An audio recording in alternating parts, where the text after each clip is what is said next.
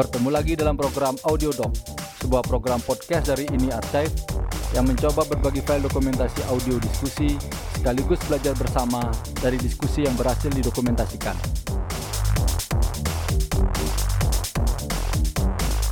Audio Doc kali ini akan menghadirkan diskusi dengan tema Dokumenta 15 Lumbung dengan narasumber Ruang Rupa, moderator pemandu Marlo Bandem. Acara berlangsung di ABBC Building pada hari Minggu 12 Januari 2019.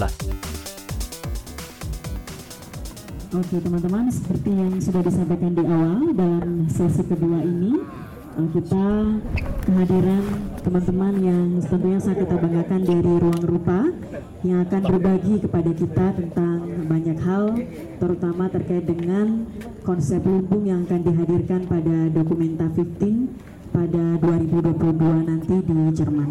Dan barangkali di sini ada yang baru juga pernah mendengar uh, Ruang Rupa.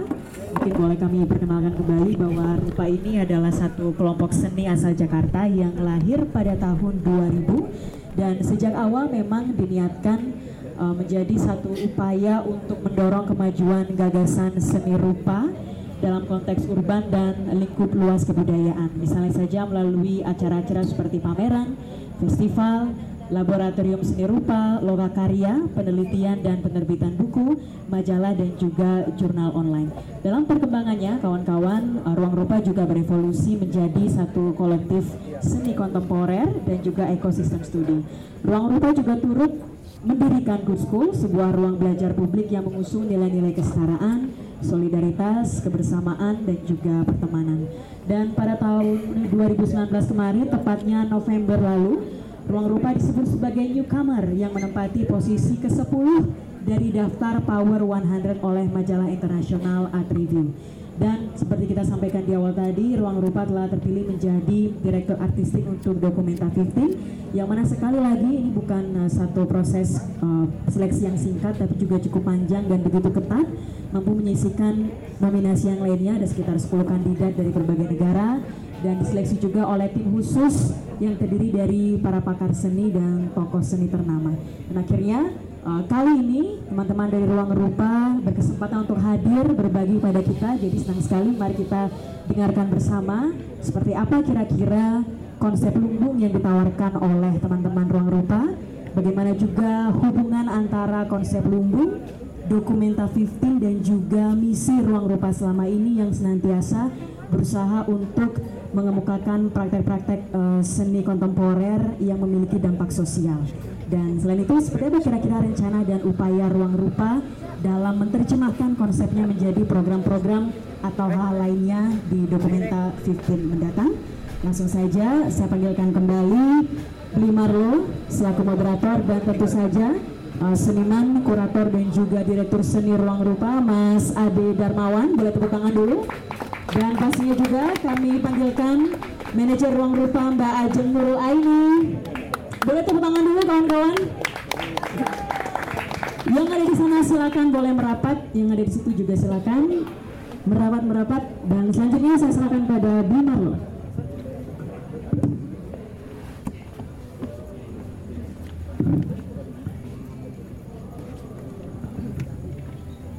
Teman-teman ini merupakan sebuah kehormatan bagi kita semua karena pada kesempatan malam hari ini kita akan banyak berbicara mengenai peran kontribusi uh, ekosistem kreatif Indonesia di pentas global. Jadi kita berbicara banyak tentang kemajuan kebudayaan dalam konteks orientasi ekonomi dan seperti kita, yakini bahwa kehadiran Art Bali ini menunjukkan bahwa Indonesia ini kaya, ya, memang betul kaya tentang manufaktur, tapi yang sedang kita perjuangkan adalah bagaimana Indonesia ini menjadi produsen daripada manufaktur, bicara banyak mengenai kreativitas. Dan yang menariknya lagi bahwa uh, kita akan banyak berbicara tentang bagaimana nanti kontribusi ruang rupa yang sangat membanggakan bisa hadir sebagai artistic director daripada sebuah perhelatan uh, seni global yang bernama Dokumenta pada tahun 2022 nanti. Nah, tetapi sebelum kita melangkah lebih banyak berbicara mengenai bagaimana nantinya, karena seperti yang kita ketahui bersama, dokumenta ini adalah sebuah ajang di mana uh, kuratorial, kemudian uh, apa, uh, yang berkaitan dengan segala sesuatu yang bersifat artistik itu biasanya dirahasiakan ya kan?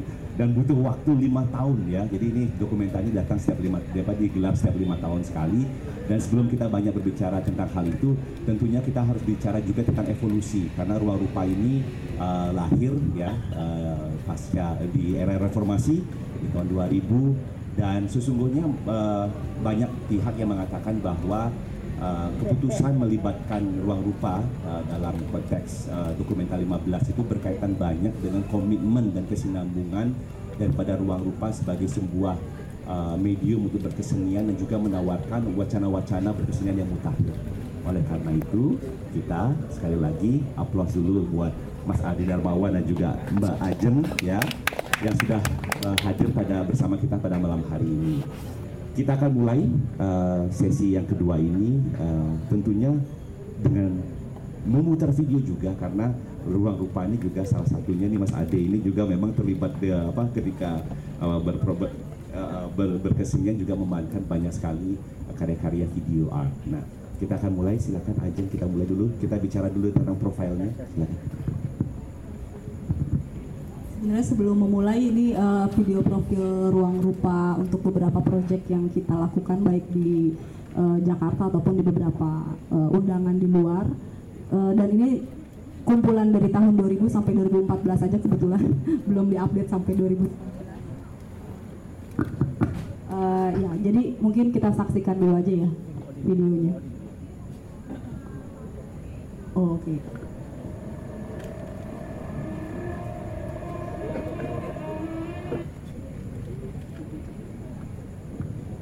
sambil menunggu. Hah? Mungkin bisa duduk di depan yang lainnya, yang di belakang. Takut sama pemburu. Duduk di depan. Waktu sekolah kita duduk belakang semua. Mungkin adik mau karaoke. Biar mengisi nggak tahun 2019 2020 sampai dari tahun 2000 juga sama kayak gini ya mas ya. Uh, selalu ada challenge dalam berkesenian. Mas Ade silahkan sampai kita menanti. Bisa bincang-bincang ya, sebelumnya. Eh, terima kasih buat teman-teman yang sudah datang eh, malam hari ini untuk me, eh, bersama kami. Ini ada video sekitar uh, 11 menit seperti Ajam bilang tadi. Sebenarnya kompilasi dari cuplikan-cuplikan proyek-proyek uh, kami dari tahun 2000 sampai 2014 jadi tahun ini kita berusia 20 tahun uh, dan uh, seperti Ajeng dan Mas bilang tadi ini memang perjalanan yang panjang. Tentu aja ini uh, silakan aja di play aja ya uh, apa namanya uh, satu proses yang kalau kalau kita ngomongin apa yang akan terjadi di dokumenta ini pasti ada hubungannya juga dengan perkembangan uh, kami selama ini.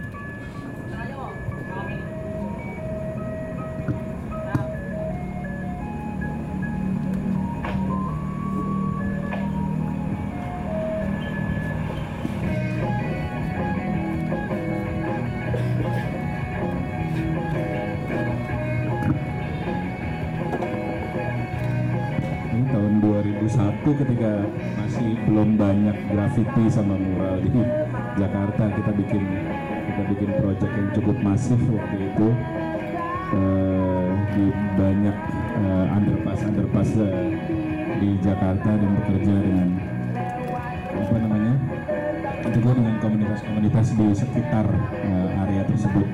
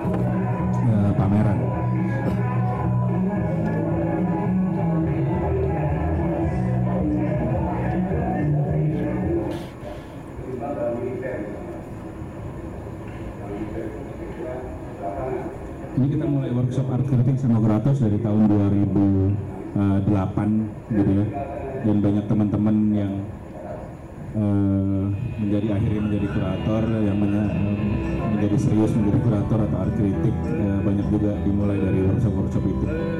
Ini kita mulai dari tahun 2004 eh, bikin eh, student forum. Eh, kita sebut Jakarta 32 untuk mengumpulkan mahasiswa-mahasiswa nggak cuma dari sini tapi mahasiswa dari dengan berbagai eh, latar belakang tetapi mereka mempunyai produksi eh, karya artistik. Eh, kita kurasi bareng kita seleksi kita pamerkan. Lalu kita juga bikin banyak eh, project Jakarta dari mulai transportasi eh, apa namanya eh, tentang eh, ekspresi di ruang publik eh, dan dan segala dan segala hal yang benar-benar sebenarnya sangat dekat dengan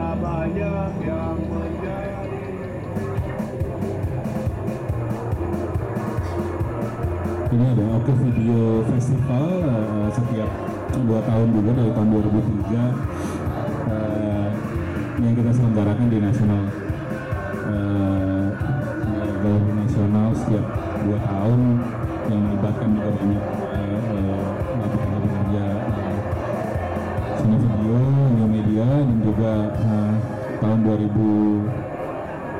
eh, lima atau 2007 saya lupa eh, kita bikin juga banyak eh, apa namanya eh, project ada dua, 25 eh, kota di Indonesia dengan project-project eh, video komunitas. Eh, festival ini akhirnya kita stop penyelenggaraannya mulai dua tahun yang lalu karena eh, karena kita pikir festival sekarang sudah eh, mulai banyak dan dan juga pertemuan-pertemuan yang dibutuhkan sebenarnya bukan pertemuan dengan model festival tapi yang kita lakukan adalah sebenarnya uh, project atau program yang berkesinambungan.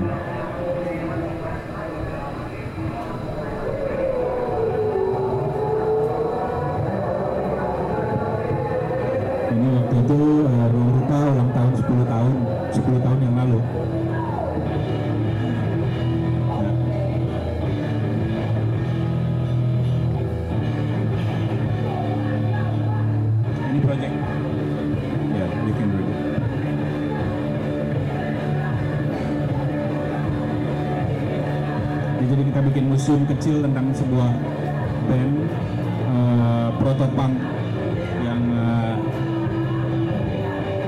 eksis di tahun 70-an di uh, Jakarta yang mempengaruhi punk scene di, di, di Brisbane dan Asia Pasifik. Eh, cuma ini ceritanya fiksi sebenarnya jadi ceritanya band itu nggak ada cuma kita buat museumnya eh,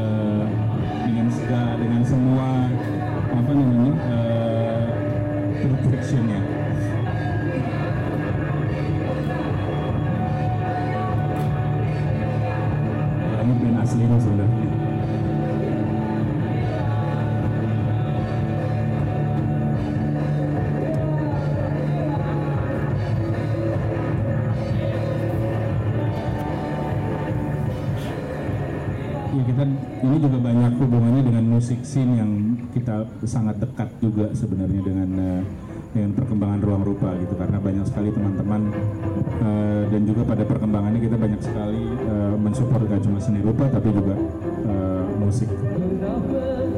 Ini di Sao Paulo Bina tahun 2014. Ini sekali lagi juga mirip-mirip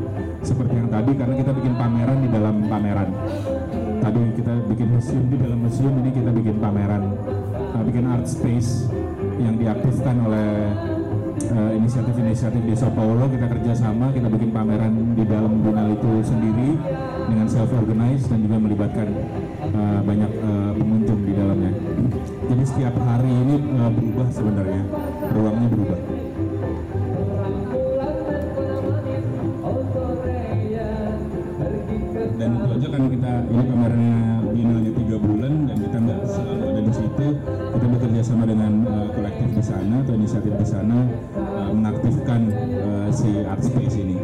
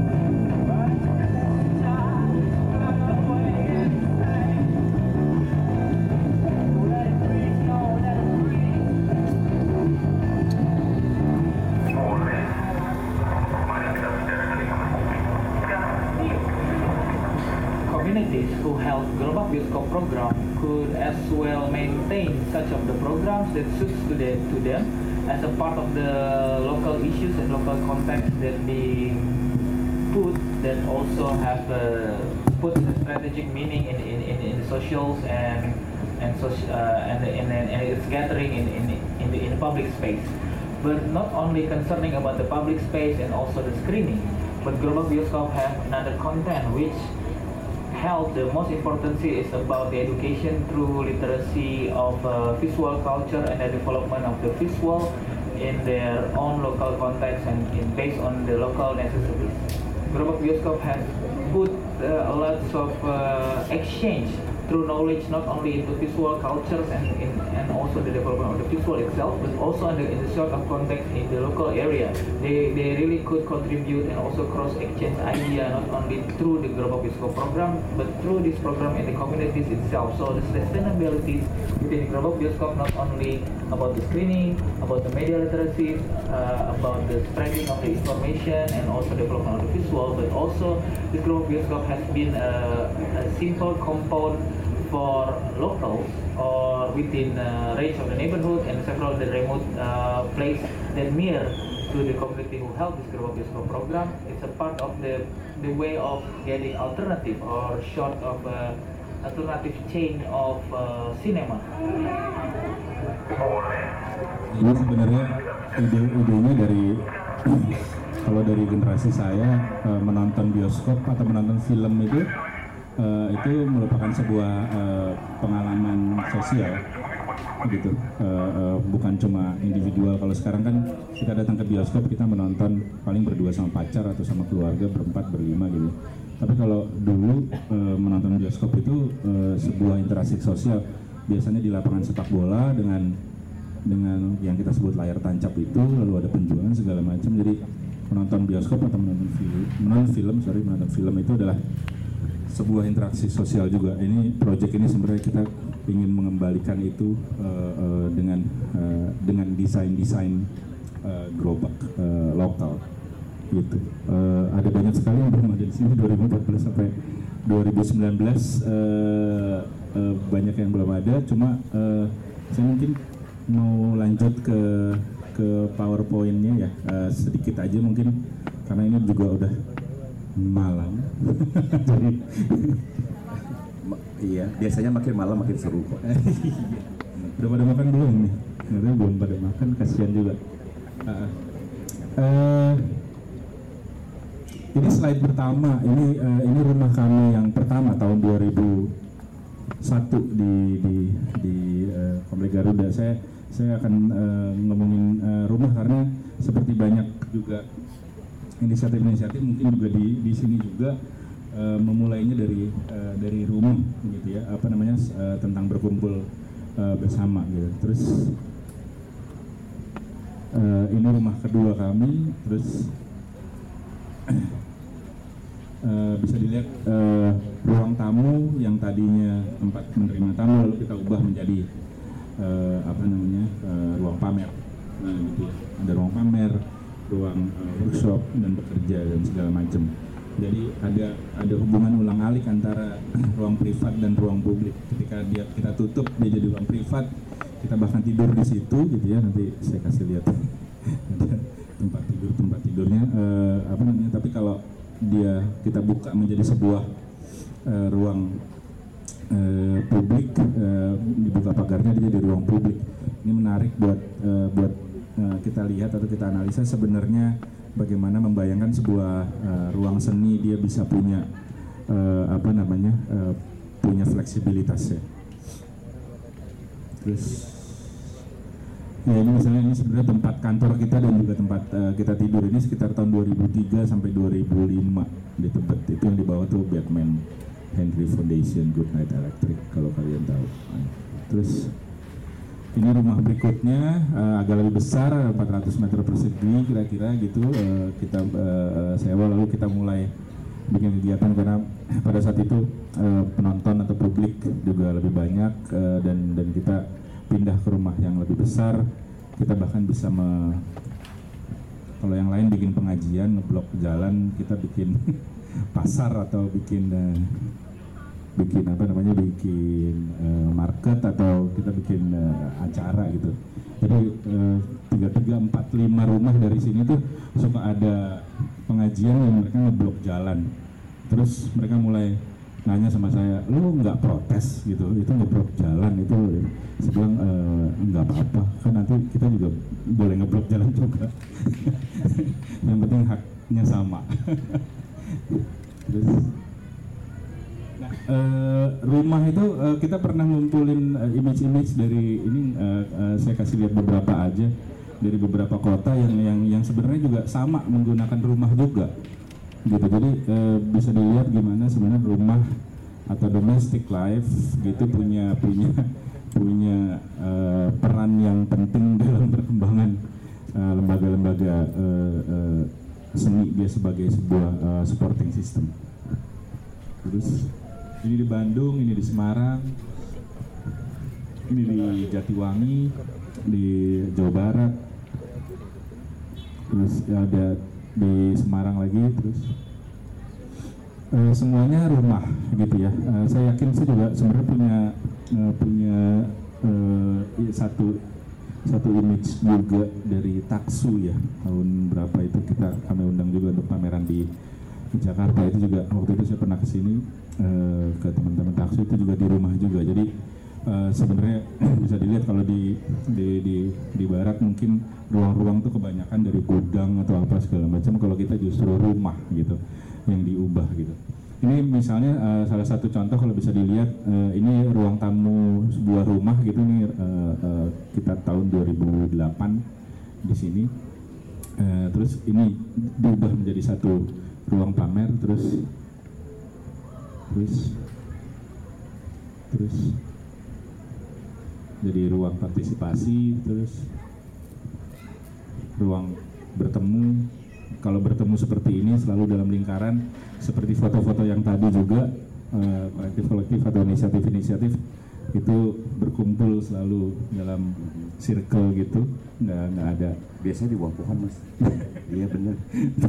di pohon teduh gitu kan ada ada pekarangannya dan dan eh, apa namanya eh, circle ini jadi menarik karena nggak ada nggak ada kontrol yang eh, Iya. eh, memusat gitu terus terus bisa jadi konser bisa diubah dari pameran ke tempat eh, workshop lalu ke tempat diskusi tempat konser juga terus ini ruangannya sama terus ruang rapat ini semua dari mungkin delapan foto ke belakang tadi sebenarnya ruangannya sama.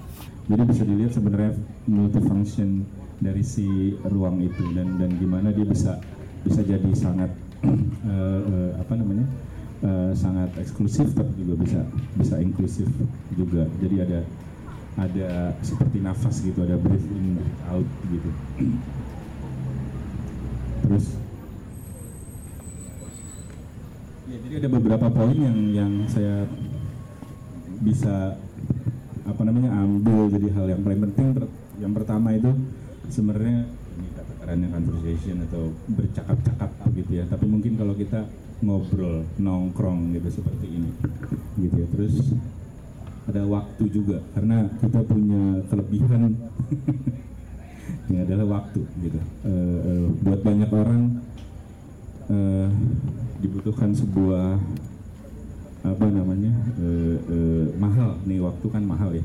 Kita harus menciptakan eh, waktu. Dari nongkrong itu kita menciptakan waktu. Dari ruang juga menciptakan eh, waktu. Buat banyak budaya atau banyak masyarakat waktu jadi hal yang sangat mahal gitu. Maka mereka menciptakan yang namanya efisiensi misalnya gitu.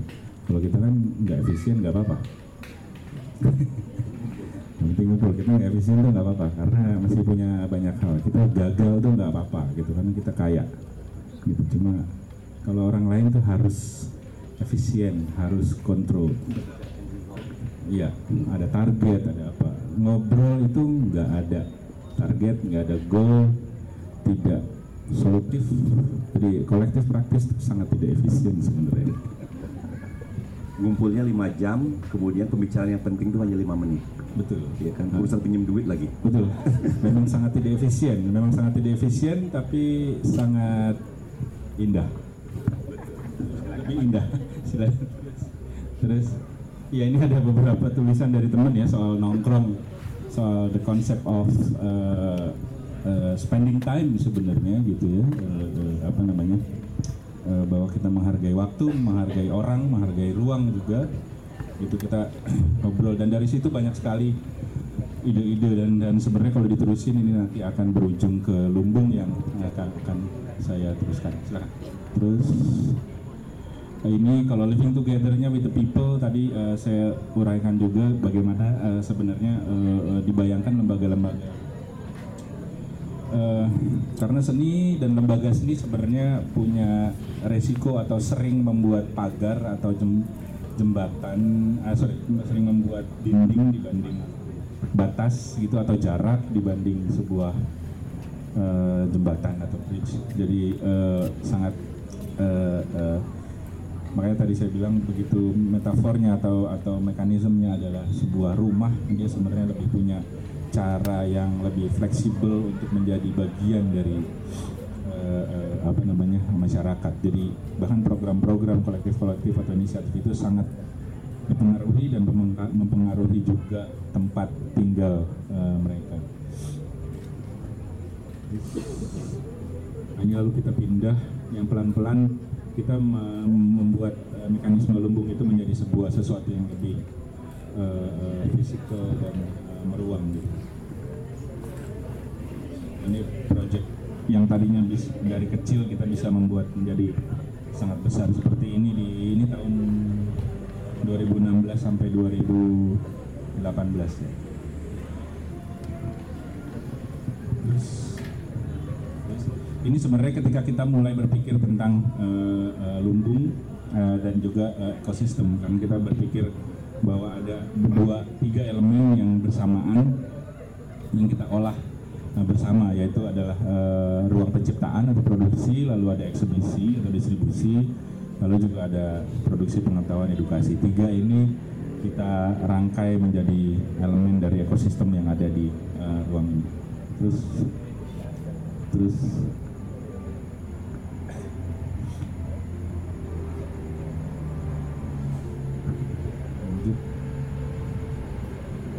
Tentu aja ini kita bisa punya pengalaman untuk bikin sesuatu yang besar sekali waktu itu ya ketika kita pindah ke Gudang Sarinah eh, untuk pertama kalinya kita menyebut kita bekerja sama juga dengan kolektif-kolektif lain.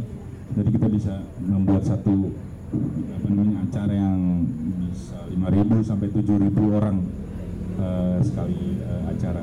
Sangat mengerikan.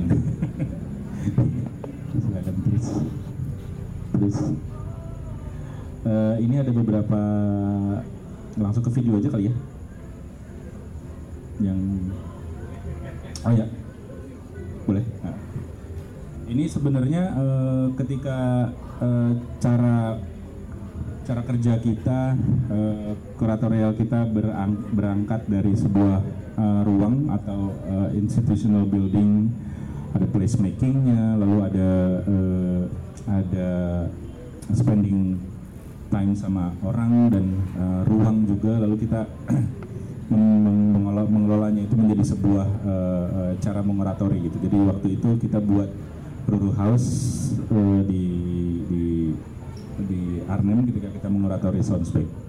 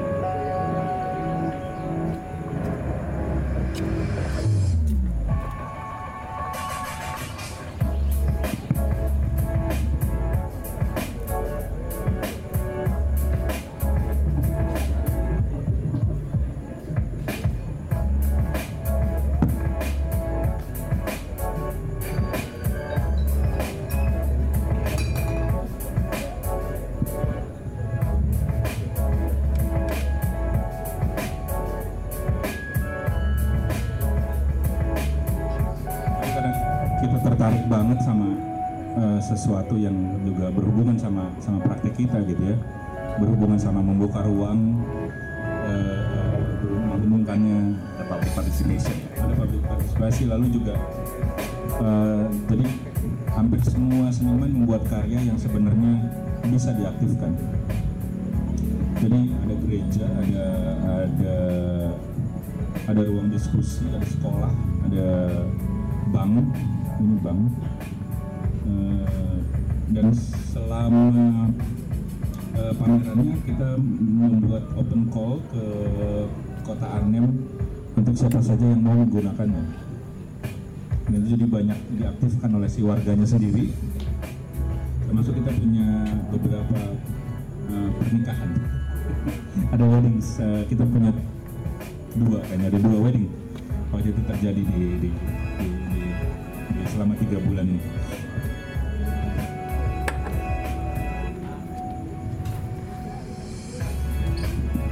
Jadi eh, ini seniman kita ajak untuk mengimajinasikan ruang-ruang yang yang ah, yang yang bertumbuh dan eh, eh, dan aktif. Jadi dia nggak cuma arsitektural tapi juga dia eh, eh, sosial juga.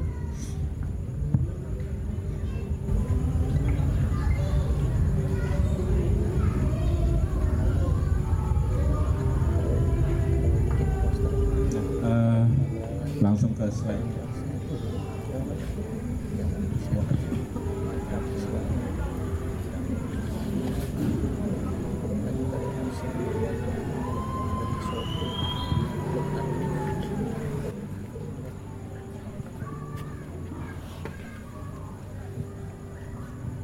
terus ini ada terus aja diklik-klik aja mas. Nah, sampai saya bilang stop. Ini eh, eh, bagaimana eh, ruang-ruang itu diaktif eh, ini kita bikin Ruru House kayak center apa namanya sa- eh, satu kayak jantungnya dari si project ini semua. Eh, kita satu punya satu ruang namanya Ruru House kita aktifkan juga dan punya banyak. Terus, terus aja. Nah. Dilihat kira-kira praktek kita sebenarnya kurang lebih seperti itu seperti di situ dibilang kita sebenarnya nggak tertarik. Nggak terlalu tertarik sama seni tapi gimana tuh? Tapi lebih tertarik eh, bagaimana dengan eh, membangun eh, apa namanya engagementnya eh, dan gimana ruang-ruang itu bisa mengaktifkan imajinasi-imajinasi gitu dibanding eh, membuat si karya itu sendiri. Tapi tentu aja eh, Bagian penting juga. bagian penting juga jadi eh, saya ingat waktu proses soundscape itu boardnya gitu misalnya nanya ini nanti ada karya seninya kan gitu jadi pertanyaan itu Iya, selalu iya. selalu ada tentu aja ada gitu ya Eh, bahkan ada beberapa karya yang yang saya bilang tadi apa namanya bertumbuh bahkan ada yang hilang gitu. terus eh, ya lumbung eh, ini terus kira-kira seperti ini nih yang yang yang apa namanya kita akan kerjakan di di dokumenta Ya, tapi sebelum kita ke dokumenta Mas Ade, uh, tadi kita banyak bicara bagaimana kehadiran daripada ruang rupa itu di era reformasi, kemudian di, tadi ada dua kata kunci, tadi kita bicara ada time, ada space, ya kan. Tetapi uh, kita mau tahu nih bahwa begitu ada time dan ada space juga sesungguhnya yang ter- yang ter- akhirnya terbangun adalah sebuah family tidak hanya sebuah keluarga tetapi a functioning family yang terdiri dari berbagai pihak. Apakah ini memang ketika pada masa reformasi ibu kota Jakarta itu juga nggak tahu dia mau ke mana sehingga kebebasan berekspresi itu kemudian mendapatkan ruang ya kemudian diberikan waktu sehingga yang ini menjadi bagian penting daripada kehadiran daripada ruang rupa. Eh, nggak tahu mau ke mananya sampai sekarang ya nggak tahu mau ke mana.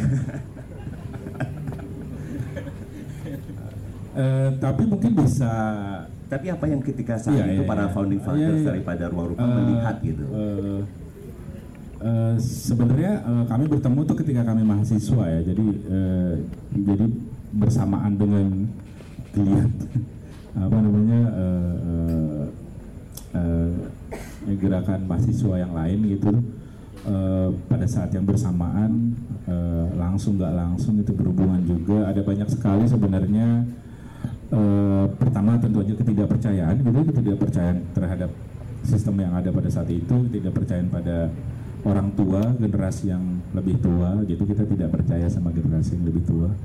Beda sama anak-anak sekarang mungkin. Tapi kalau dulu kita nggak percaya sama yang tua-tua.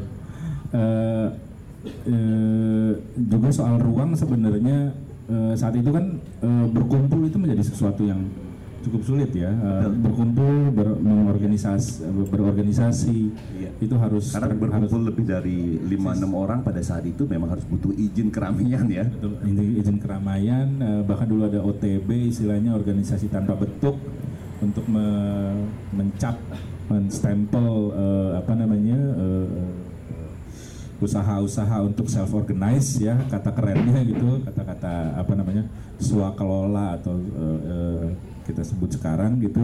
Tapi sebenarnya gejala itu sebenarnya menjadi bagian dari masyarakat Indonesia kan sudah sudah sangat ini ya, cuma memang buat penguasa itu selalu eh, selalu eh, berbahaya dan dan dan dan kontrol atau eh, pelembagaannya menjadi sangat eh, eh, penting gitu. Dan pada saat itu sebelum 98 sebelum re- reformasi memang itu menjadi salah satu bagian yang yang juga eh, selalu menjadi apa namanya eh, eh, halangan. Jadi berkumpul atau mengelola diri sendiri itu adalah bagian yang tidak pernah terjadi gitu. Atau berekspresi secara secara komunal atau eh, secara kolektif. Kalau bisa dilihat sebenarnya meledaknya itu memang setelah 98 enggak cuma di seni rupa atau di kesenian sebenarnya tapi juga di eh, agama di di di di di bidang-bidang yang lain. Apa namanya eh, kata komunitas ini sebenarnya nggak nggak hanya dipakai bahkan di di seni budaya sebenarnya. Uh, komunitas dari mulai eh, apa namanya komunitas eh, pemilik Karimun misalnya gitu. Itu mungkin besarnya lebih besar dari komunitas eh, seni rupa di Jakarta tuh jangan-jangan. Gitu lebih banyak yang pakai Karimun soalnya dibanding. Tapi kan itu menunjukkan bahwa ada keinginan untuk bersatu padu toh. Eh, betul. Iya apa namanya eh, bahwa itu ada dan, dan ini ini soal gimana gimana dia dimainkan oleh kuasa sebenarnya Eh, seperti itu ekspresi-ekspresi itu. Eh, kita kalau menurut saya nggak cuma sendiri tentu aja ya ruang rupa dengan banyak sekali eh, eh, eh, seniman dan kelompok pada saat itu juga juga juga bagian dari eh, eh, perubahan itu. Yang menarik sebenarnya ketika sudah 20 tahun sekarang mungkin pertanyaan pertanyaannya adalah eh, kalau itu sebuah evolusi atau sebuah peradaban dia sampai di peradaban yang mana misalnya gitu. Dia dia Ya. eh, pencanggihannya sofis- sofistikasinya dia sudah sampai di mana misalnya gitu. Eh, masih banyak yang kurang tentu saja gitu ya. Eh, dari mulai masih banyak yang eh, eh, tidak bisa bertahan misalnya dan segala macam. Tapi kan kemudian ada kesadaran bahwa ini uh, tetap berkesinambungan dan kemudian bicara mengenai visi yang lebih besar bahwa ini akan dibawa ke mana. Kemudian melahirkan sebuah uh, pemahaman baru tidak hanya sebagai sebuah rumah gitu, uh, di mana kita bisa bersenda gurau kemudian dengan segala problematiknya, tetapi kemudian menghadirkan kelembagaan ya rumah sebagai sebuah kelembagaan sebagai sebuah lumbung gitu tidak hanya berbicara dia menjadi sebuah ranah yang sosial, tidak hanya budaya, tetapi juga ekonomi. Iya betul itu mungkin yang beda dengan generasi-generasi sebelumnya karena generasi-generasi sebelumnya saya pikir melihat berkumpulnya masih dalam bentuk Euforia, eh, dan momentum dan eventual gitu. Jadi misalnya eh, gerakan gitu hubungannya itu sama gerakan. Jadi memang temporer. Eh, banyak sekali kolektif-kolektif atau inisiatif-inisiatif nggak cuma ruang rupa seperti eh, banyak yang sudah cukup tuh misalnya taring padi itu sangat misalnya lebih tua dari ruang rupa bahkan jelas-jelas itu dari awal dia adalah sebuah lembaga gitu. Eh, ruang rupa lalu ada Jatiwangi di cukup tua juga ada Serum ada eh, apa namanya ada Gardu House ada Cemeti. Benar-benar sangat sangat berpikir bahwa ini adalah sebuah lembaga yang harus bertahan untuk menopang eh, eh, kerja-kerja atau praktek-praktek eh, seni budaya. Jadi dia tidak bahkan jelas-jelas didesain didesain gitu dengan segala macam permasalahannya gitu ya. Susah nyari duit dan segala macam regenerasi segala macam itu kita bisa ngomongin panjang soal problem-problem itu.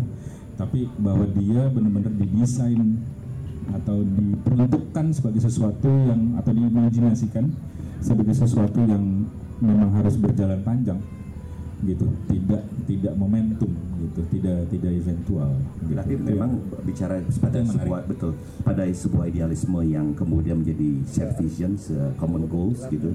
Tetapi apa kemudian yang dipandang oleh ruang rupa yang kemudian bisa membawa dia uh, menjadi sebuah edge gitu. Seba- ya, karena itu masih masih juga merepresentasi sebuah pergerakan betul, kan. betul, betul. Eh, itu makanya yang terakhir mungkin kita bisa terusin kalau misalnya mau diterusin adalah sebenarnya soal sekolah. Karena akhirnya kita lalu berpikir eh, sebenarnya eh, yang paling penting eh, di mana semua keinginan semua visi itu bersatu gitu itu sebenarnya lalu ada di wadah edukasi akhirnya. Gitu di mana eh, bagaimana ide-ide bisa ditantang misalnya gitu. Bagaimana ide-ide kita bahkan dikritik, dipertanyakan, ditantang, tapi juga pada saat yang bersamaan dieksplorasi. Itu ada di di daya kritiknya si edukasi ini. Eh, dari mulai jadi kalau ngomongin sustainability itu keberlanjutan eh, eh, jadi sustainability of ideas gitu bukan sustainability dalam dalam hal environmental atau ekonomi tapi juga tapi juga gagasan. Karena sekolah atau edu- sekolah ya dalam tanda petik karena yang kalau kita bayangkan sekolah bukan sekolah yang kelas seperti itu tapi dia menjadi salah satu cara untuk untuk eh, apa namanya eh, eh, melanjutkan gagasan-gagasan eh, kita sendiri bisa bisa dia menjadi sangat dipertanyakan tentu aja dan itu jadi jadi laboratorium gitu. Jadi kalau kita bicara mengenai betul Kalau ngomongin evolu apa evolusi step berikutnya paling tidak sekarang yang kita yang kita bayangkan dan kita sedang lakukan akhirnya memang si uh, good school ini bentuk bentuk edukasi gitu ya. Jadi tidak hanya sekarang sebatas bahwa memberikan uh, apa namanya waktu, kemudian tempat, tetapi sudah berbicara mengenai menjadikan dia sebagai sebuah paradigma, sebagai sebuah school of thought. Nah, karakter apa yang ingin diperjuangkan oleh ruang rupa yang kemudian bisa kemudian bertransformasi menjadi lumbung ini? Ya kan kita belum bicara eh, bagaimana ruang rupa juga memberikan eh, apa namanya kesetaraan dalam hal kesetaraan gender yang tentunya berbeda kalau kita bicara mengenai feminisme di barat maupun di di timur gitu ya, apalagi di Jakarta sendiri gitu. Nanti Ajeng bisa tambahkan sedikit tentang itu ya. Tetapi karakter-karakter apa ini yang kita mau bangun kalau kita bicara mengenai ruang rupa? Eh, kita bisa terus tapi mungkin ada ya sambil terus saya nggak tahu nih terus terus terus eh, ya ini kira-kira ada tiga elemen yang kita bangun eh, untuk kami bayangkan diambil oleh eh, kita satukan di dalam eh, lumbung lalu kita kelola bersama eh, untuk di redistribute lagi. Jadi ada sustainability apa namanya eh, ekonominya finansial eh, apa namanya eh, ini banyak spekul- banyak spekulasi juga tuh. Terus ada artistiknya lalu ada nah tiga ini berkumpul di, di apa namanya eh, di dalam satu kem- eh, di dalam satu wadah eh, tangible dan intangible gitu dari tangible dari dari program ide waktu eh, human resources eh, sampai ke uang dan eh, equipment buku dan segala macam. Jadi kita jadiin satu kita eh, distribute eh, eh, bersama. Ini sebenarnya salah satu spekulasi kami kalau kita membayangkan karena ini sebenarnya juga bukan hal baru ini sesuatu yang kita udah pernah coba juga bertahun-tahun.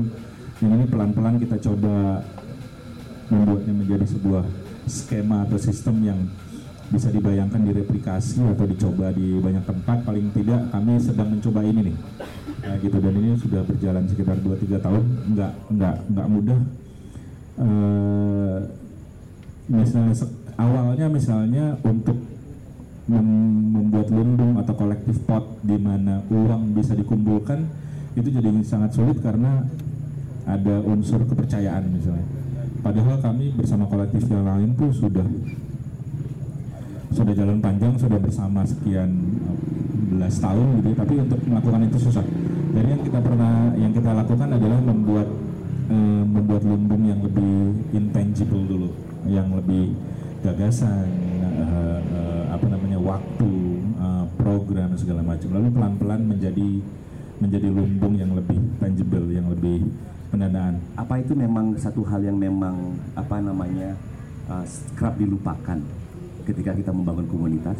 Karena kalau sering sekali kita cerita bahwa kalau komunitas itu ada uang, ada nggak ada uang susah, ada uang tambah susah gitu.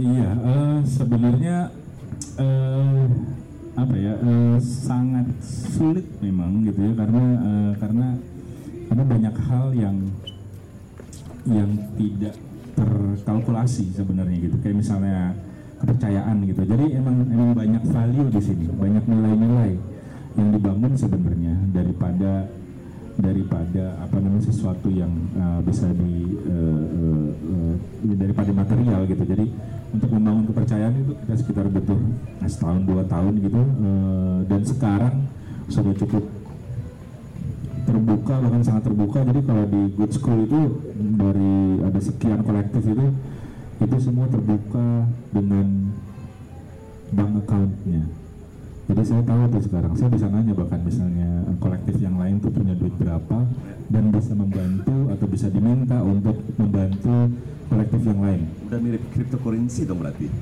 Lumayan. pengelolaannya. Iya, ya, lumayan. Jadi jadi jadi pelan-pelan eh, bener soal currency juga. Jadi eh, pelan-pelan apa namanya? eh, eh, ownershipnya bahkan jadi hampir hilang sebenarnya. Ownership terhadap gagasan atau bahkan terhadap dana itu jadi hampir hampir hilang. Karena kita akan tahu bahwa kalau kita nyari duit misalnya gitu ya eh, entah dapat sponsor, dapat funding atau kita bikin jasa kreatif atau apa segala macam itu ditaruh di lumbung itu itu akan sangat mungkin itu tidak balik ke kita secara langsung gitu. Dan itu dan itu di awal sangat sulit sebenarnya. Itu cuma lumayan kita bisa bisa bisa melakukan itu sampai sekarang jadi kalau ngomongin keluarga tadi di sini lebih lebih hebat dibanding keluarga sebenarnya Ajeng mau tambahkan sedikit ya? Betul.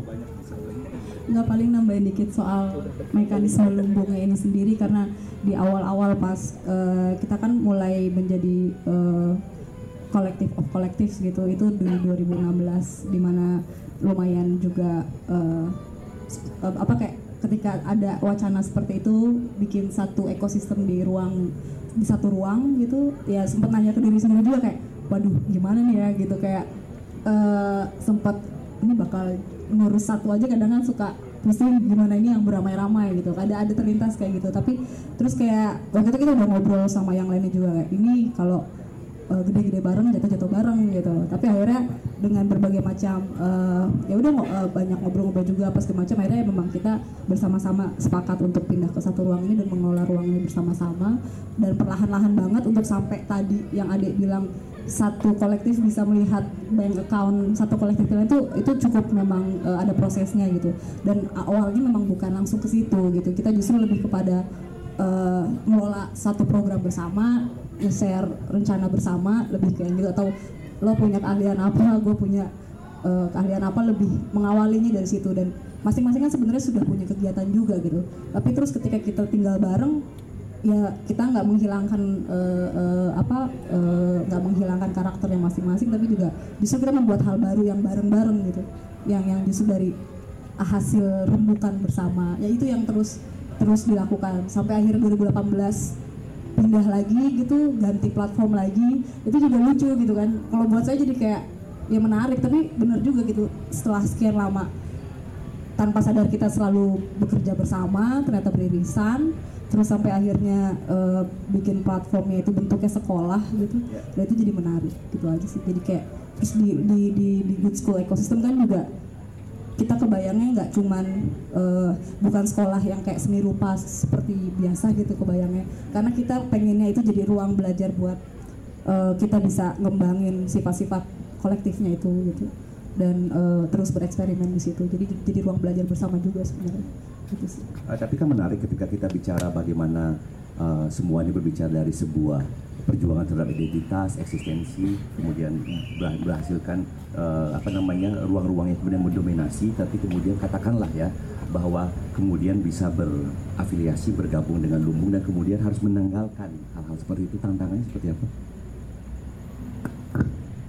tantangannya tantangannya seperti apa ya? Tantangannya mungkin tadi yang eh, pelan-pelan merasa jadi kita eh, sebenarnya diverse eh, sorry dissolve gitu. Justru kita agak menghilang tapi juga nggak. Satu sisi kita tetap mempertahankan karakternya kita sebagai karena kayak ruang rupa ya satu sisi kan tetap sebagai artis kolektif gitu. Tapi juga dalam eh, ketika kita mengurus satu ekosistem itu eh, ya kadang nggak saya dari ruang rupa tapi sekarang mungkin ngebawanya udah ya good school ekosistem gitu. Jadi mulai bersama-samanya itu sih. Tantangannya Jadi, mungkin perlahan-lahan nggak menonjolkan diri sendiri aja tapi mengingat banyak lainnya di yang tentunya ekosistem hari melahir- melahirkan sebuah impian bersama tidak lagi Semoga. berbicara uh, apa namanya sebuah lokalitas tapi regional tapi sepertinya nih lumbung ini kemudian didorong untuk menunjukkan bagaimana Indonesia kemudian bisa berkontribusi di pentas global yang kemudian juga menjadi catatan penting dari perjalanan ruang rupa yang kemudian menjadi salah satu uh, faktor untuk di nominasi, kemudian diseleksi sebagai artistic direction daripada dokumenta 15 yang akan datang. Eh, bisa diceritakan sedikit proses itu ketika bagaimana? Oh, artinya kita pahami bahwa ruang rupa ini udah banyak sekali ber eh, apa namanya terlibat dalam berbagai perhelatan seni visual ya di, di dari segala macam bienal segala macam. Tapi kemudian untuk betul-betul ini kan satu hal yang sesungguhnya mengejutkan banyak pihak ya sekaligus membanggakan oleh pelaku kreatif di Indonesia, saya juga pasti pasti juga teman-teman di ruang rupa juga terkejut juga gitu kan gitu kan. Sampai nggak percaya gitu kan. Jadi apakah ini memang betul-betul strategi yang memang diburu gitu? Dan kemudian uh, artinya di, ada peluang yang kemudian diperjuangkan. Uh, kalau diburu mungkin enggak ya. Apa namanya? Sangat sangat sangat sangat. Uh, karena uh, Aku boleh cerita sedikit? Uh, uh, ada. Dokumenta itu ada board gitu lalu mereka punya finding committee namanya dari finding committee ini lalu uh, mereka menawarkan sekian banyak saya tahu berapa banyak apa namanya uh, sekian banyak orang untuk menawarkan sekian banyak orang untuk uh, uh, tertarik atau enggak untuk mengirimkan proposalnya gitu. Uh, lalu salah satunya uh, kami ditawari juga Nah, gitu. Cuma waktu itu sebelum kita ngedevelop uh, projectnya atau idenya uh, kita mikir uh, uh, kita lagi sibuk sama ini gitu. Kita lagi sibuk sama good school. Baru mulai bahkan.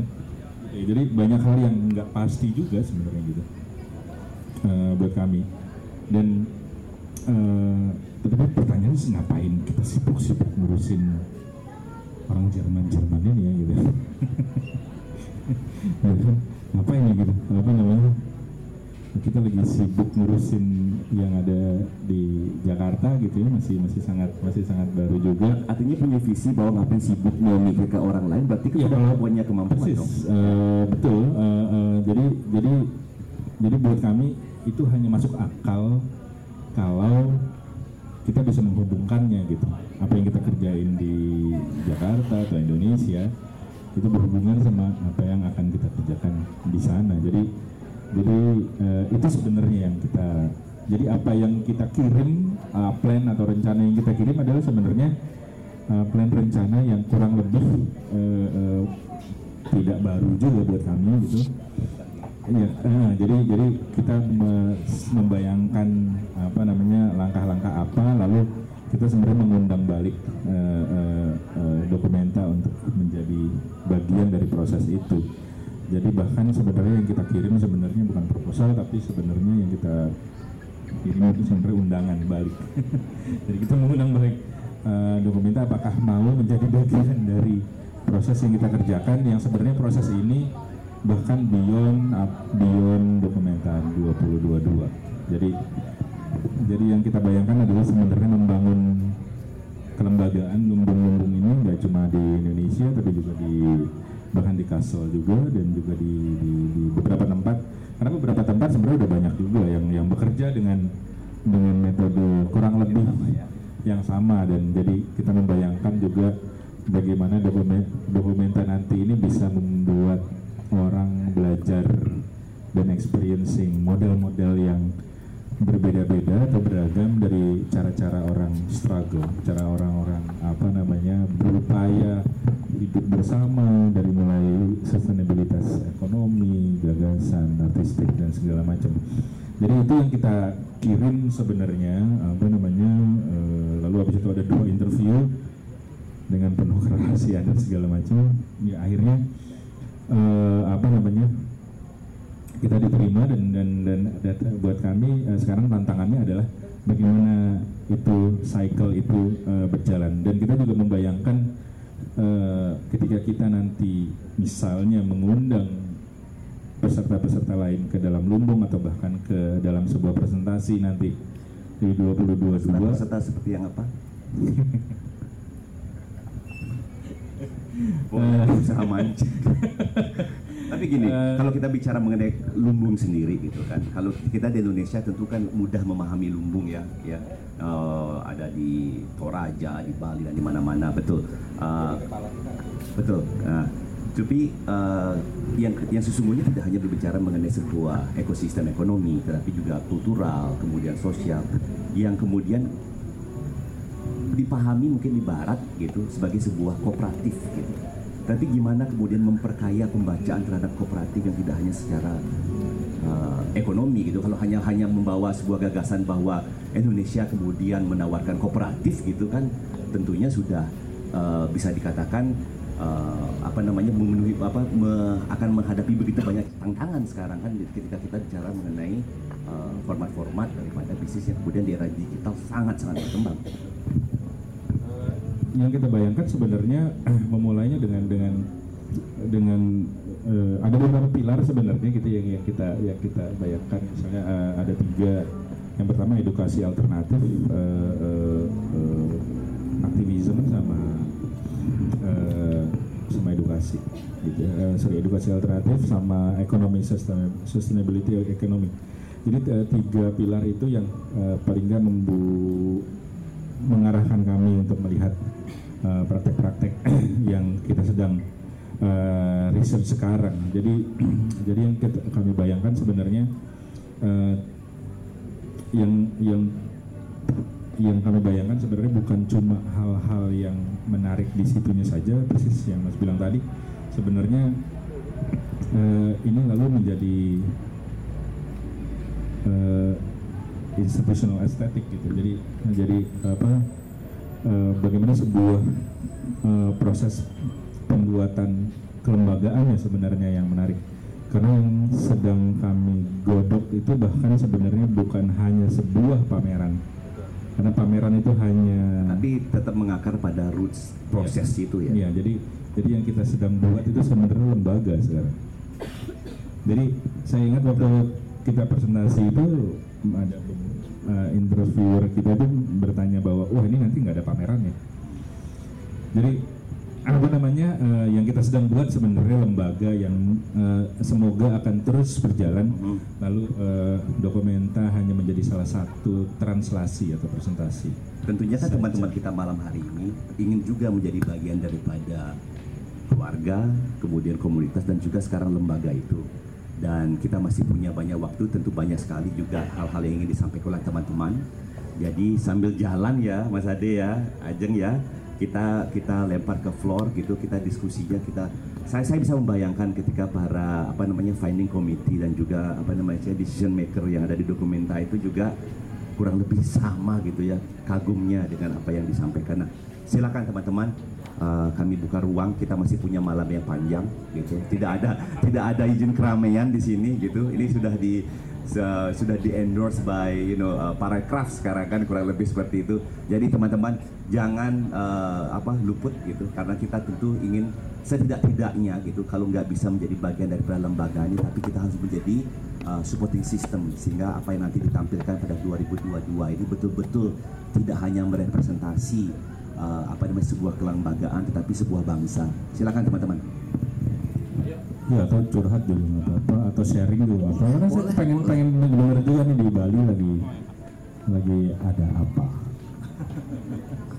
Lagi sedang ngap Bali lagi lagi ngapain Bali? Silakan teman-teman. Wilco, you can join the discussion. You know, I bet you really understood what we were saying. You know, you know. Sorry that I'm But- but- speaking in Um, a- I mean, Dusseldorf and. Dusseldorf and Kessel, you know, not quite far, so easy, you know. Yeah. Silakan Bu.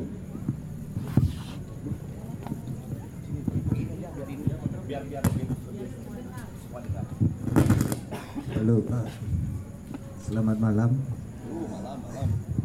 S- eh, saya mau bertanya sama eh, Bapak Agus Dharma, eh, apa namanya untuk Pak Ade, Ade Dharmala, maaf jadi Agus Dharmala kan gurugi saya. So, welcome for Pilko Nabali. Eh, saya bertanya kan eh, dokumenta tahun 1955 ya yang pertama itu kan itu proyeknya tentang eh, trauma, traumatic perang gitu ya. Nah sekarang kan uh, sustainability kayak gitu kan jadi kayak latah semua mungkin ini proyeknya PBB semua orang memikirkan ini. Nah kira-kira dengan uh, nah dulu kan waktu uh, setelah perang dunia kedua dari kesenian untuk mengobati traumatik perang. Nah sekarang dari uh, apa namanya di tahun 2000 eh 2022 nanti dokumenta itu uh, kira-kira nanti uh, temanya uh, tentang sustainability juga atau gimana nanti apakah dilihat kan banyaknya muncul uh, seni-seni kontemporer ketika uh, dipamerkan gitu kan banyak akhirnya kadang-kadang banyak yang bingung ya nah ketika ini gimana cara menjembatani karena terlalu mungkin kayak tadi saya lihat dari uh, I saw your curator system, uh, project in Germany. So there is a lot of contemporary art. Sometimes maybe for the ordinary people they feel confused. eh. But the, this documenta like karena saya sempat juga kemarin buat project di Pasar Badung kita ngundang uh, seniman kontemporer Aramayani juga terus ada Made Wianta kita coba ingin uh, melihatkan seni kontemporer ke ruang publik. Toh juga uh, kita kan dengan idenya uh, ini bahwa untuk kepentingan masyarakat kadang-kadang juga di sini uh, masyarakat juga bingung nah kira-kira nanti uh, di ruang rupa gimana uh, apa namanya antisipasi ini dengan menampilkan seni kontemporer dan bisa untuk uh, uh, apa ide sustainable itu bisa mengena nanti terima kasih ya Thank- terima kasih. Ini banyak yang mau bocoran nih Mas. Eh, Iya, saya bocorin dulu sih. Eh, eh, kita tuh nggak nggak nggak ada tema sebenarnya. Kita eh, kita nggak berbasis tema, jadi nggak ada tema yang kita sedang usung sebenarnya. Jadi kita nyoba. Mungkin tadi sebenarnya eh, kalau mau tipis-tipis udah agak banyak sebenarnya tadi. Sebenarnya eh, kita kita nguratorin berbasis ruang bahkan gitu ya. Berbasis conversation berbasis waktu. Eh, itu yang di-develop di situ. Tema-tema itu akan muncul dengan sendirinya dan pasti akan ter tergali dengan sendirinya. Jadi kita nggak punya satu centralistic theme yang semuanya lalu ber fokus selalu bereaksi terhadap satu tema itu.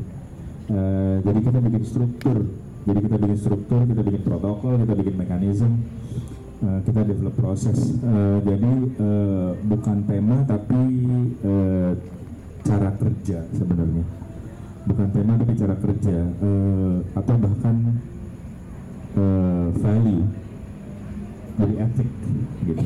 Mungkin nggak ya gitu. Mungkin nggak nguratorin dengan etik gitu. Jadi yang kita majuin itu bukan tema gitu karena tema itu punya punya resiko dia proyek-proyeknya atau pamerannya menjadi ilustratif. Seniman juga akan terjebak menjadi ilustrator dari tema itu. Tapi kalau etik misalnya misalnya gini eh, temanya korupsi. Misalnya gitu. Temanya environmental misalnya gitu. Tapi terus melukis. Melukis melukis tuh udah catnya udah nggak natural ya kan? Yang dilukis misalnya sampah-sampah di kali Ciliwung. Lukisan itu mengilustrasikan kan? Tapi materialnya sebenarnya sama sekali nggak environmental. Nggak eco sama sekali kanvas itu nggak dan segala macam. Warna itu nggak eco cat itu nggak eco misalnya gitu. itu kalau kalau tematik itu punya resiko seperti itu. Karena lu image-nya ini mengilustrasikan gitu. Tapi kalau kalau misalnya saya bilang environmental tapi terus kita pakai etik gitu ya. Misalnya yang namanya etik misalnya berarti upcycling misalnya atau dia pakai material yang berkelanjutan eh, dia ramah lingkungan dan segala macam bahkan sikap senimannya jadi value jadi nilai gitu. Jadi eh, kita berusaha lagi seperti itu. Bahkan kita lagi berpikir gimana karbon yang kita produksi ketika kita traveling. Nanti akan ada sejuta penonton yang datang ke castle waste manajemennya seperti apa itu kita lagi pikirin. Jadi jadi bahkan ini makanya lagi kadang-kadang kalau lagi kita mau bekerja itu kita lagi lagi mikir ini sebenarnya kita lagi lagi bukan lagi nguratorin nih. Jadi lagi lagi ngebentuk semuanya dengan dengan eh, dengan value dengan mekanisme yang baik. Kita juga lagi ngomongin soal bahkan sponsor kita lagi mikirin gimana no exhibition misalnya. Pameran seperti ini Art, artus sangat sampah sebenarnya. Sorry. Tapi nyampah sebenarnya. Baik. Eh, kebayang nih Pemat sih tadi bangga banget. "Oh, ini, ini, pak ini Pemat Ade empat bulan loh Mas Ade ini bikin ini. Kebayang setelah ini selesai ini bakal jadi apa gitu. Ini bakal jadi itu tuh bambu-bambu itu kebayang jadi apa? Gitu. Jadi jadi kita lagi mikirin gimana misalnya semua yang dipakai di satu pameran itu setelah selesai dia akan bisa berguna lagi misalnya. Buat komunitas tertentu misalnya buat society tertentu buat bikin apa segala macam. Jadi bahkan dengan cara itu lalu desainnya akan berubah. Gitu. Lalu, lalu inklusivitas misalnya. Itu kita lagi ngomongin juga inklusivitas. Gimana kalau ada orang pakai sepat eh, sorry. Kalau ada orang nggak bisa lumpuh dia pakai kursi roda saya bakal ngomelin pemat karena orang pakai kursi roda itu nggak bisa ngeliat pameran ini. Itu udah nggak inklusif. Jadi pameran ini sangat eksklusif hanya buat orang-orang yang bisa jalan doang. Yang bisa nunduk segala macam. Gimana kalau orang itu pakai kursi roda? Gimana kalau orang buta? Gimana kalau orang tunarungu gimana kalau orang tunanetra praktek kita ini sekarang itu sebenarnya mengeksklusif mengeksklud banyak orang. Desain pameran ini sorry Pak itu mengeksklud banyak orang. Gitu. Gimana kalau ada orang pakai kursi roda? Nggak bisa masuk loh dia. Nggak bisa masuk tuh dia di lingkungan yang di dalam tadi itu udah nggak bisa dia. Udah mentok. Senimannya juga tidak inklusif karena dia juga tidak berpikir seperti itu jadi oke balik lagi ke yang kita lagi pikirin tuh e, menguratori dengan cara seperti itu sebenarnya. Jadi bukan dengan tema tapi dengan struktur dengan value dengan dengan cara seperti itu. Karena akan banyak tantangannya banget. Gitu gimana bikin eh, gimana supaya sebuah eh, pameran misalnya eh, punya waste, yang waste management yang baik misalnya dari mulai penonton bahkan sampai penyelenggaraannya. Eh, shipping kita akan kurangin misalnya shipping karena shipping karbonnya banyak banget. Apalagi pesawat gitu ya. Gimana kalau eh, bekerja misalnya dengan lokal material segala macam gitu itu, itu yang lagi kita pikirin. Jadi kalau ngomongin sustainability tadi yang mas bilang tadi itu itu bukan tema itu cara kerja. Nah itu yang kita sedang kerjain. Jadi kita lagi ngeriset itu sebenarnya bukan lagi ngeriset tidak hanya ngeriset seniman yang bekerja dengan cara sustain dengan cara ya bukan dengan tema gitu. Dengan cara sustain gitu.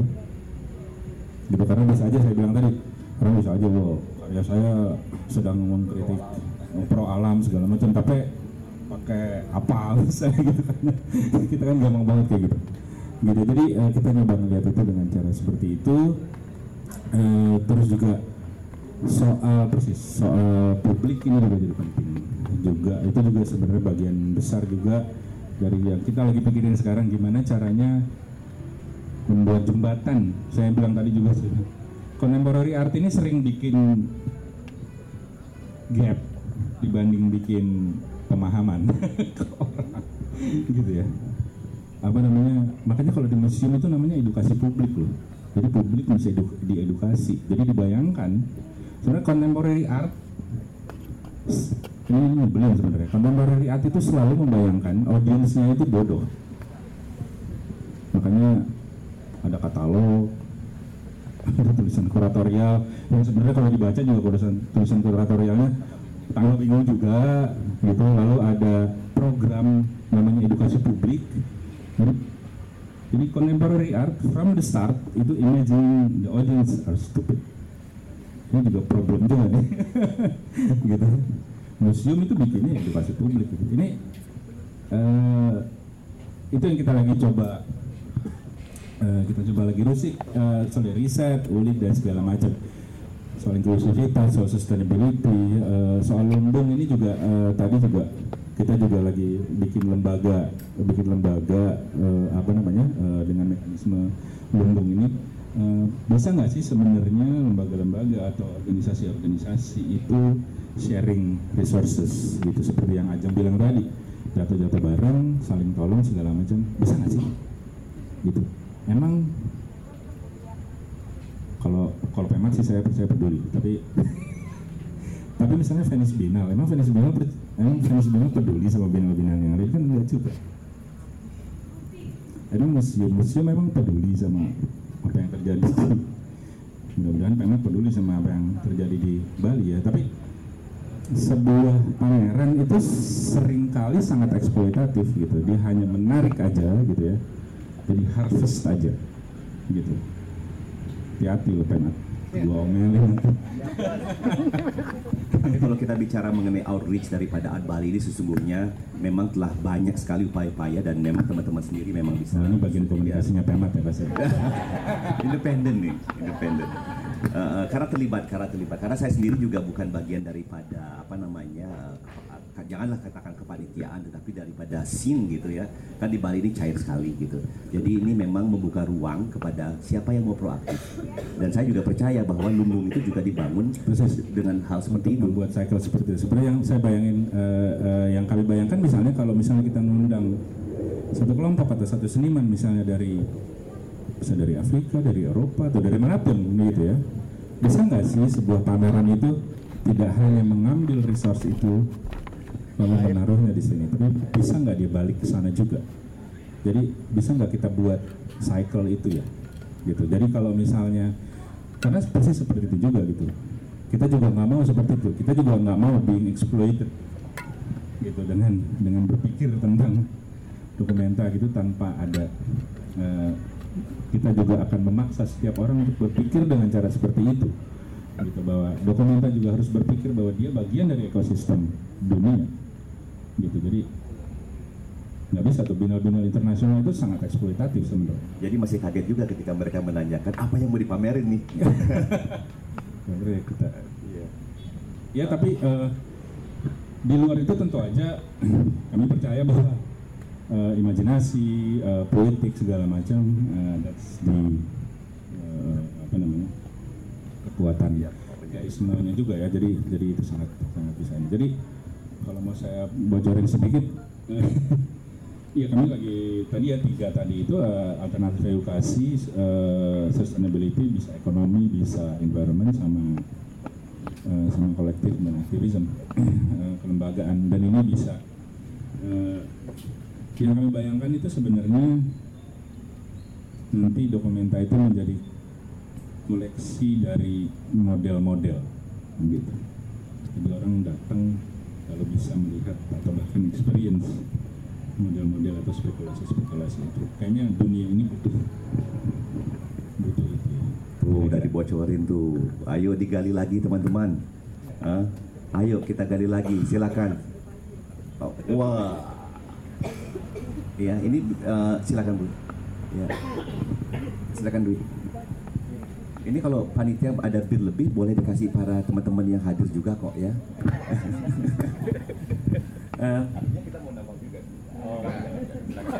Eh, Oke, eh, terima kasih waktunya. Eh, saya mungkin eh, tadi mungkin udah banyak jelasin tentang dari skala makro sebenarnya gitu. Tapi saya sebenarnya ingin eh, menanyakan gitu ke Mas Ade dan Mbak Arjun juga tentang eh, di sekup mikronya sebenarnya seperti apa gitu eh, mengenai eh, proyek lumbung yang akan dibawa ke dokumenta ini dalam hal eh, relasinya dengan kolektif, dengan kultur, dengan eh, aktivitas-aktivitas yang sebenarnya di Indonesia sendiri di daerah-daerah sendiri sebenarnya sudah sangat banyak kan sebenarnya.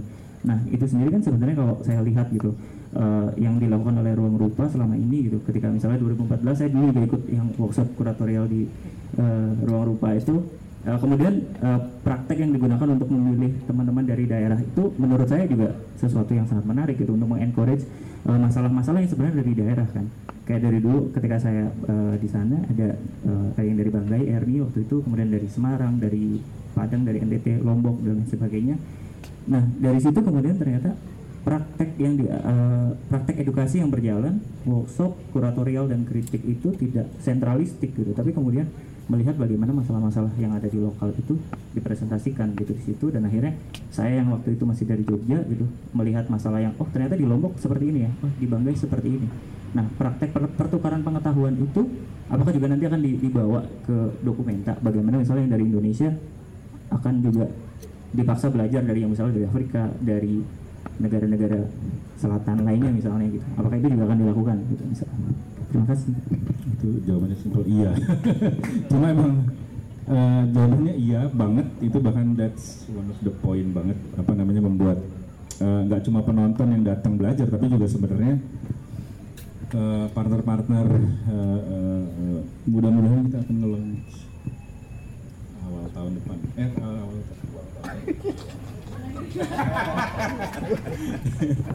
ya awal ya beberapa bulan ke depan kita akan nge-announce uh, uh, tim pertama tim kurator kita terus juga uh, akan me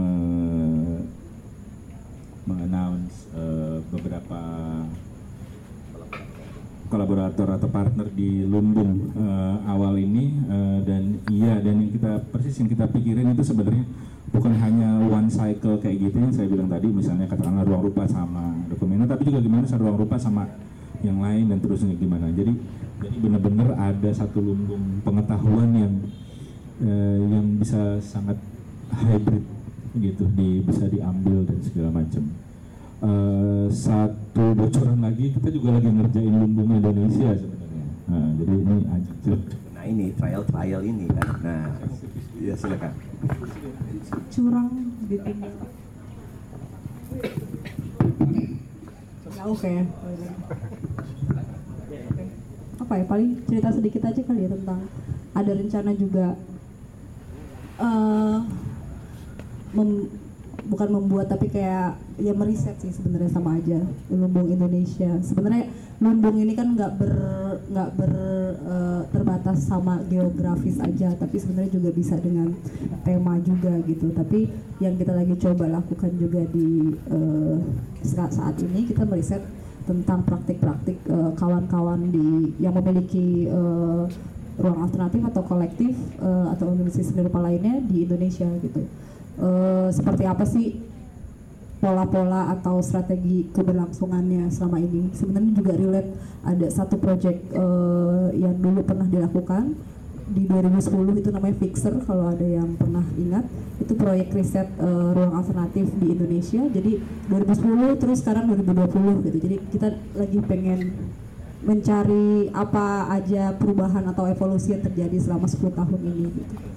Dan kenapa juga waktu itu uh, memutuskan di Indonesia gitu yang kita mulai karena emang masih banyak yang uh, perlu dilihat lagi ya karena kan luas banget ya Indonesia aja dan secara prakteknya lebih lebih kayak lebih uh, apa ya istilahnya ekstrim gitu ya dibandingkan mungkin dengan yang di Southeast Asia atau lainnya. Jadi kita mulai yang di Indonesia gitu sih.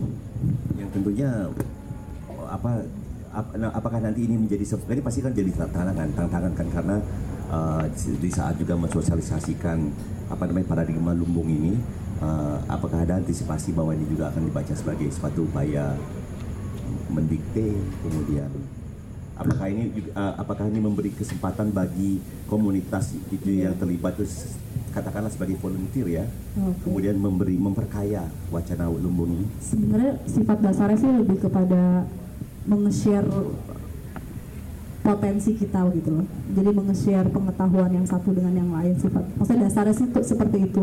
Yang tadinya mungkin hanya satu wilayah bisa ke wilayah yang lain dan ketika itu jadi kesadaran kita bersama kan dan lebih besar mungkin kita kebayang itu punya efeknya juga lebih baik ya gitu. Berarti kunjungan ke Bali saat ini juga lebih hal seperti itu. Sedikit. Oke. Okay. Tapi besok saya balik. lagi ya. Harus harus balik lagi. Silakan Bu. Biar didengar semua. Ajeng terima kasih ya. Nanti bisa dilanjutin lagi.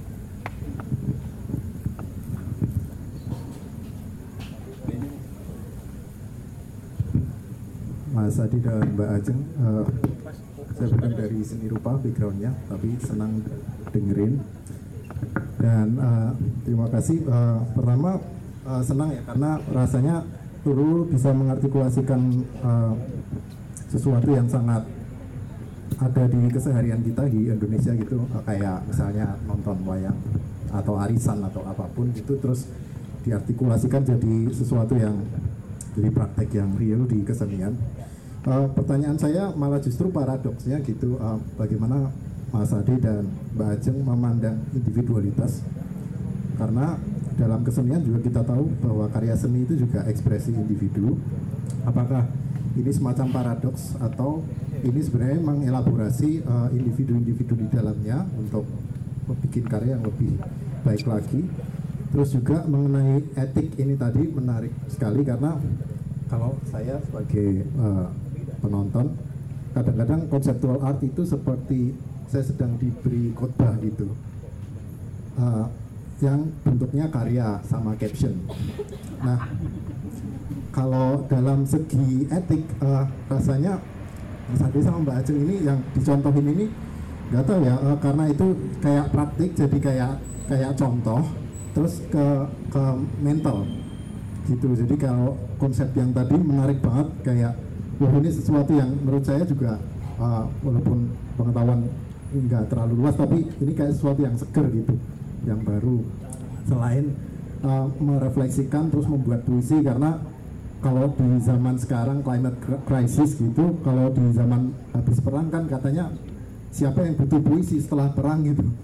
Masa setelah perang masih berpuisi gitu kan. Sekarang kayak buminya udah terbakar terus ah, etiknya kita seperti apa? Nah pertanyaannya dua yang pertama individualitas yang kedua soal ah, mental state itu lebih ke apresiasi aja. Ya. terima kasih. Hmm. kalau di makasih kalau di pengalaman kami sebenarnya atau atau jadi uh, kolektif yang kuat itu malah malah uh, kita percaya uh, berasal dari sekumpulan uh, sekumpulan individu-individu yang kuat gitu. Jadi dia bukan dia bukan menyedot, jadi uh, menyedot energi tapi nggak ngebalikin gitu ya. Jadi jadi sebenarnya individu-individu yang ada di kolektif itu sebenarnya harus juga punya uh,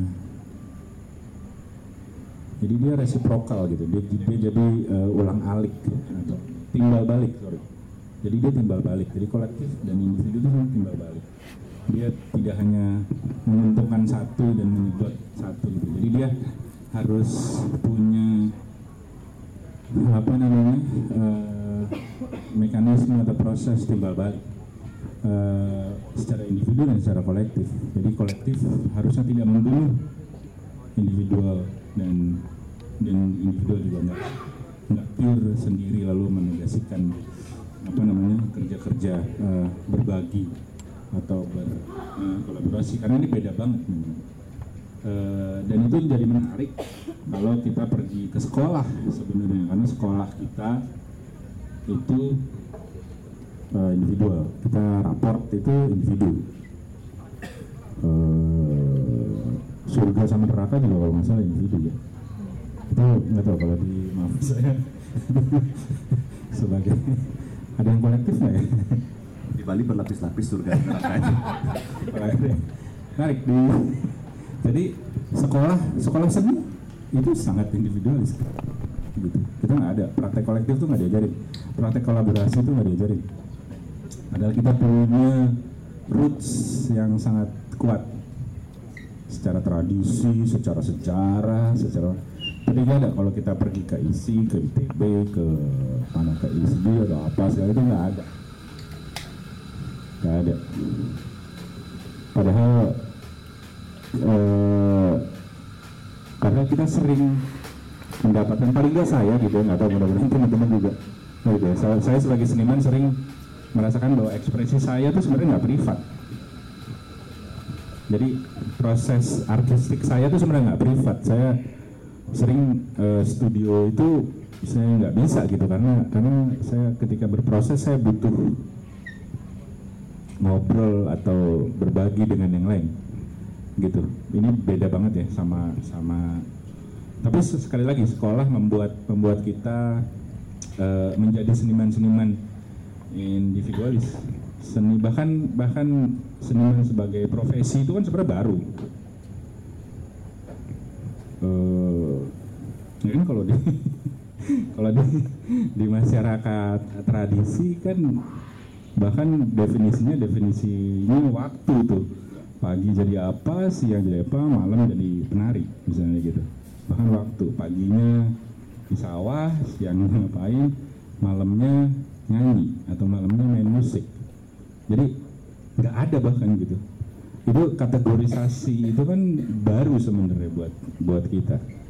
Nah kalau kita balik lagi ke praktek ruang rupa atau praktek kolektif kolektif ini kolaboratif yang membayangkan seniman adalah slash networker, slash aktivis, slash apa segala macam dan slash slash segala macam itu sebenarnya kayak balik lagi ke kayak balik lagi ke praktek tradisi sebenarnya di mana orang kreatif pekerja kreatif itu enggak enggak enggak kategorize gitu.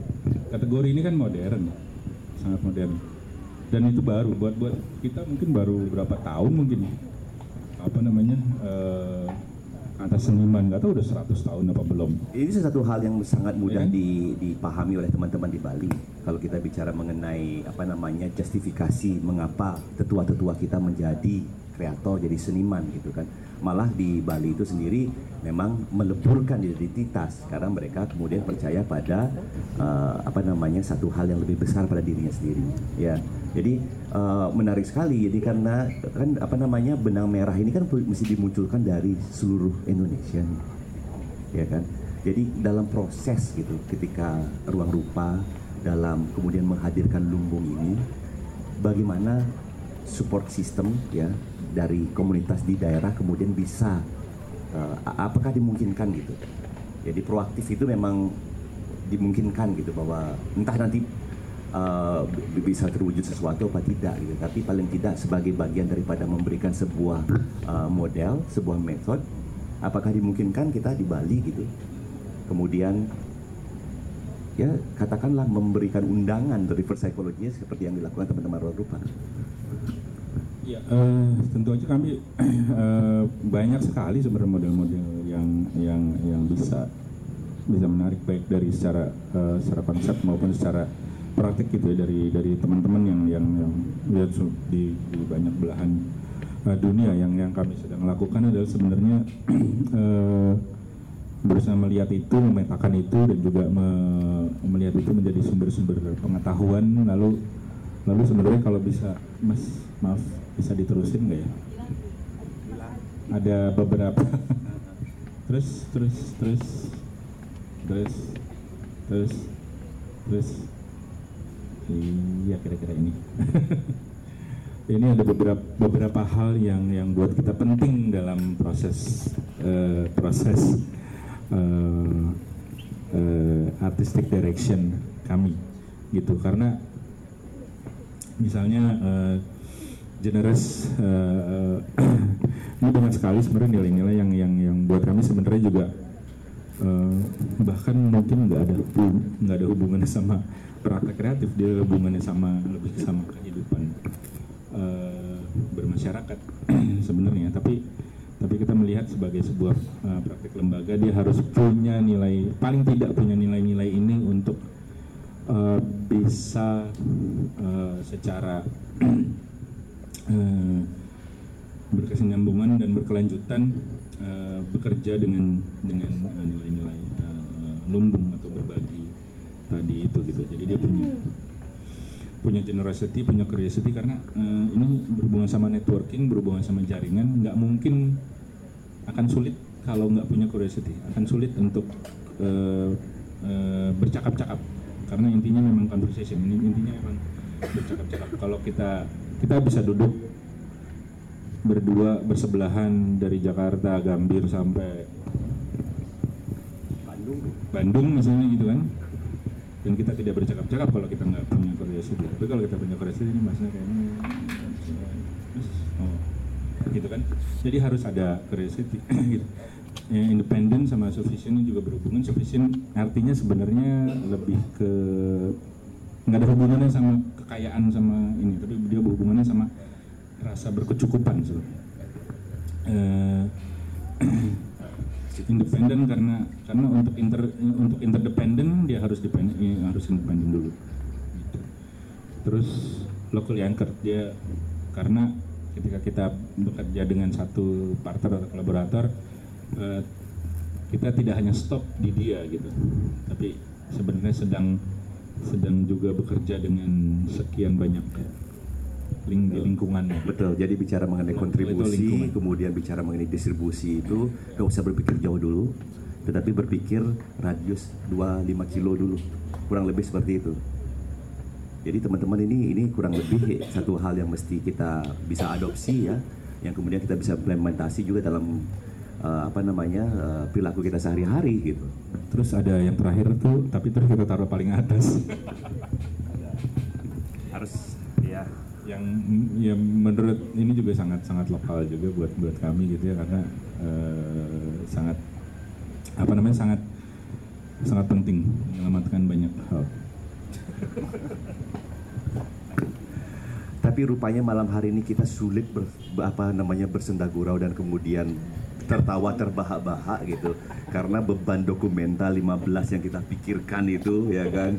Uh, apa yang mau ditampilkan nanti uh, tipografinya seperti apa pendekatan standar grafik manualnya seperti apa. Kita kadang-kadang terlalu apa publik ya. Memang jangan-jangan memang sudah terbiasa dengan satu hal yang kemudian harus bisa dia apa uh, apa apresiasi dengan end result. Kurang lebih seperti itu tadi Iya, juga juga karena kan itu juga pengaruh industri juga ya gitu. Maksudnya eh, eh, s- ya balik lagi ke sekolah segala macam. Sekolah kita kan juga mengham- meng- menghamba pada logika industri makanya lalu penilaian itu dari produksi misalnya. Tapi misalnya kita nggak terlalu menghargai proses misalnya gitu. Eh backcraft misalnya gitu kan pasti akan lebih senang nih kalau melihat produksinya seperti ini. Misal gitu. Kan karena funding itu funding Ada yang state funding jawab segala macam itu memang Hmm. production base semuanya. Bahkan uh, art ekonomi juga sangat uh, berbasis uh, berbasis uh, produksi. Misalnya kolektor gitu kan nggak mungkin ada yang membeli atau membiayai atau mendanai proses misalnya gitu. Per sentimeter. Tapi tapi tapi bisa nggak sih itu dipertanyakan? Bisa nggak di, di digoyang atau digoyahkan gitu. Sebenarnya eh, gimana eh, eh, funding baik eh, eh, sponsor korporat eh, pemerintah atau bahkan eh, kolektor melihat dengan cara yang lain.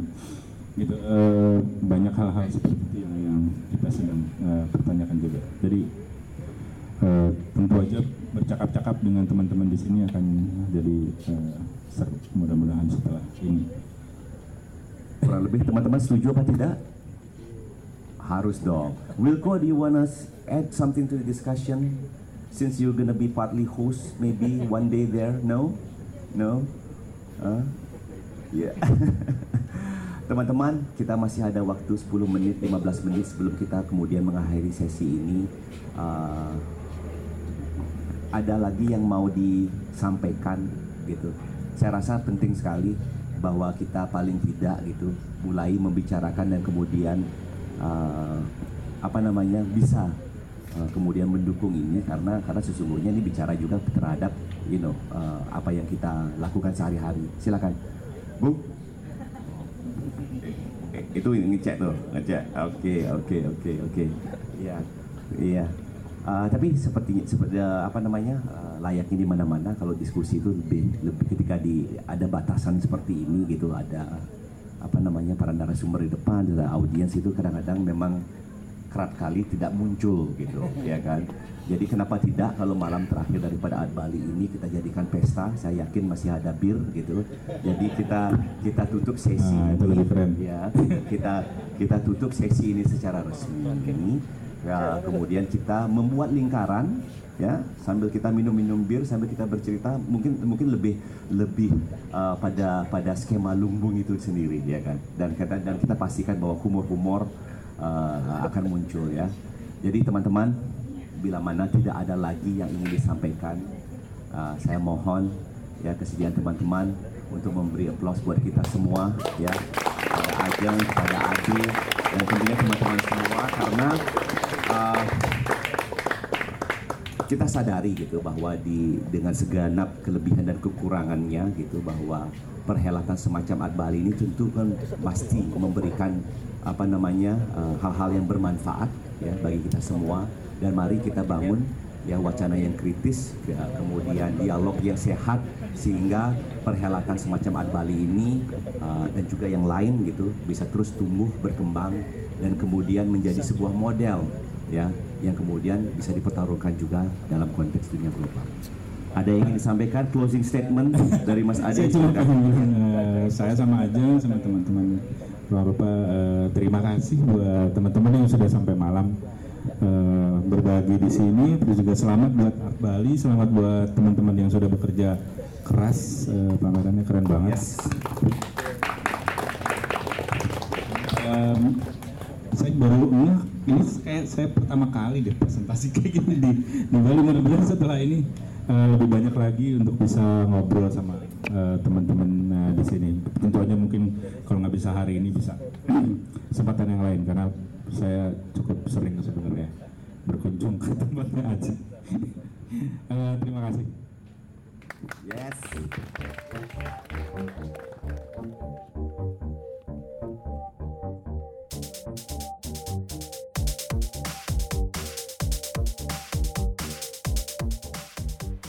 Demikian audio doc episode kali ini. Sampai jumpa di episode-episode selanjutnya.